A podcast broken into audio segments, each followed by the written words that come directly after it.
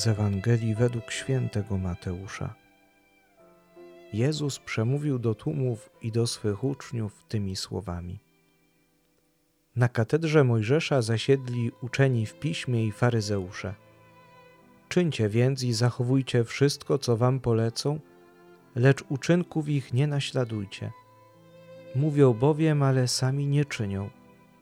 Wiążą ciężary wielkie i nie do uniesienia i kładą je ludziom na ramiona, lecz sami palcem ruszyć ich nie chcą.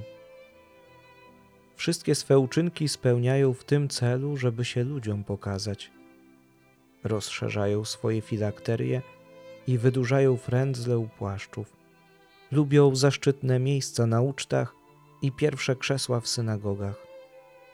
Chcą, by ich pozdrawiano na rynkach i żeby ludzie nazywali ich rabbi. A wy nie pozwalajcie nazywać się rabbi, albowiem jeden jest wasz nauczyciel, a wy wszyscy jesteście braćmi. Nikogo też na ziemi nie nazywajcie waszym ojcem. Jeden bowiem jest ojciec wasz, ten w niebie. Nie chciejcie również, żeby was nazywano mistrzami, bo jeden jest tylko wasz mistrz, Chrystus. Największy z was niech będzie waszym sługą. Kto się wywyższa, będzie poniżony, a kto się poniża, będzie wywyższony.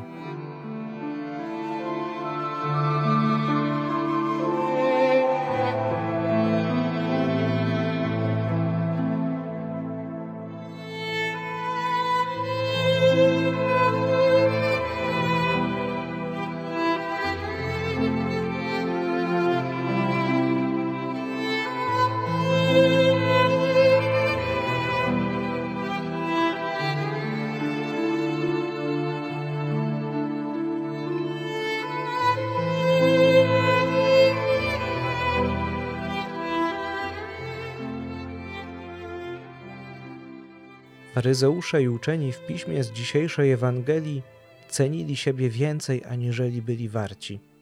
Dlatego byli pyszni. Zostali zganieni przez Jezusa bardzo mocnym sformułowaniem: Biada wam. Nic tak nie zamyka drogi do Królestwa Niebieskiego, do ludzkich serc, do samego Boga, jak właśnie pycha i zarozumiałość. Co zrobić, aby tej drogi sobie nie zamknąć? Przede wszystkim konieczne jest zweryfikowanie swojego życia. Co głoszę, jak żyję. Nie mam tylko mówić pięknych słów, nieskończenie dyskutować. Nie mam krytykować wszystkiego i wszystkich. Jako chrześcijanin mam naśladować Chrystusa, czyli mam iść Jego krokami, drogami, które On mi wskazał mam przylgnąć do Niego swoim sercem, wpatrywać się w Jego oblicze i za każdym razem rzeźbić je w sobie, porównać z Jego wymaganiami swoje życie i poprawiać je tam, gdzie nie jest jeszcze doskonałe. Pokorny człowiek to taki, który ciągle jest niespokojny o swoje wnętrze, o swój duchowy rozwój. Prawdziwie pokorny człowiek nie marzy o zaszczytach, nie tęskni za godnościami, nie jest łakomy na tytuły. Wystarcza mu to, co posiada, co zdobył swoją własną ciężką pracą. Faryzeusze żądali dla siebie pierwszych miejsc i najwyższych tytułów. Dlatego kazali się nazywać nauczycielami, ojcami, mistrzami. Te określenia w czasach Pana Jezusa przysługiwały szczególnie zasłużonym ludziom. Oni natomiast chcieli je mieć za darmo, bez żadnego wysiłku. Chrystus chciał natomiast, aby między wszystkimi ludźmi panowały relacje braterstwa, a faryzeusze żyli w zakłamaniu, w zakłamaniu i fałszu, ale co gorsze, karmili tym wszystkich innych.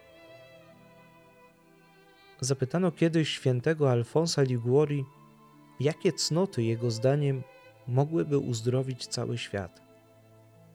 Święty zastanowił się chwilę i odpowiedział, że uzdrowienie świata widzi w trzech cnotach. Pierwszej na imię pokora, drugiej na imię pokora i trzeciej na imię pokora. Ciężko jest odpowiedzieć jednoznacznie, czym jest pokora. I nie ma tu jedynej słusznej definicji. Jedni twierdzą, że pokora jest milczeniem, inni, że ofiarą i umartwieniem. Jeszcze inni stwierdzają, że jest to zapomnienie o sobie, a ciągłe myślenie o innych. I żadna z tych odpowiedzi nie jest pełna. Każdej coś brakuje. Kiedy myślę o pokorze, to jest to dla mnie przede wszystkim właściwa, słuszna i obiektywna ocena siebie w Bożym świetle, bez jakiegoś wybielania, dowartościowania siebie. Prawda o sobie, zobaczenie swoich zalet, a w ich świetle zobaczenie także i wad. Bowiem jeśli ktoś ceni siebie więcej niż jest wart, jest pyszny, ale z drugiej strony jeśli ktoś ocenia siebie poniżej własnej obiektywnej wartości, także grzeszy pychą. Papież Franciszek w jednej ze swoich homilii stwierdził: W życiu codziennym pokora oznacza bycie małym jak zalążek, tym małym, które wzrasta każdego dnia, małym, który potrzebuje Ducha Świętego, aby móc dalej się rozwijać ku pełni swojego życia bądźmy tymi małymi, ostatnimi w naszym życiu.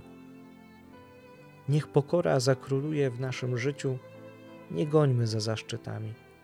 Zwróćmy uwagę na te wszystkie dobra, które wypracowaliśmy w naszym życiu, bo często ich nie zauważamy, nie doceniamy. Pokora to życie w prawdzie.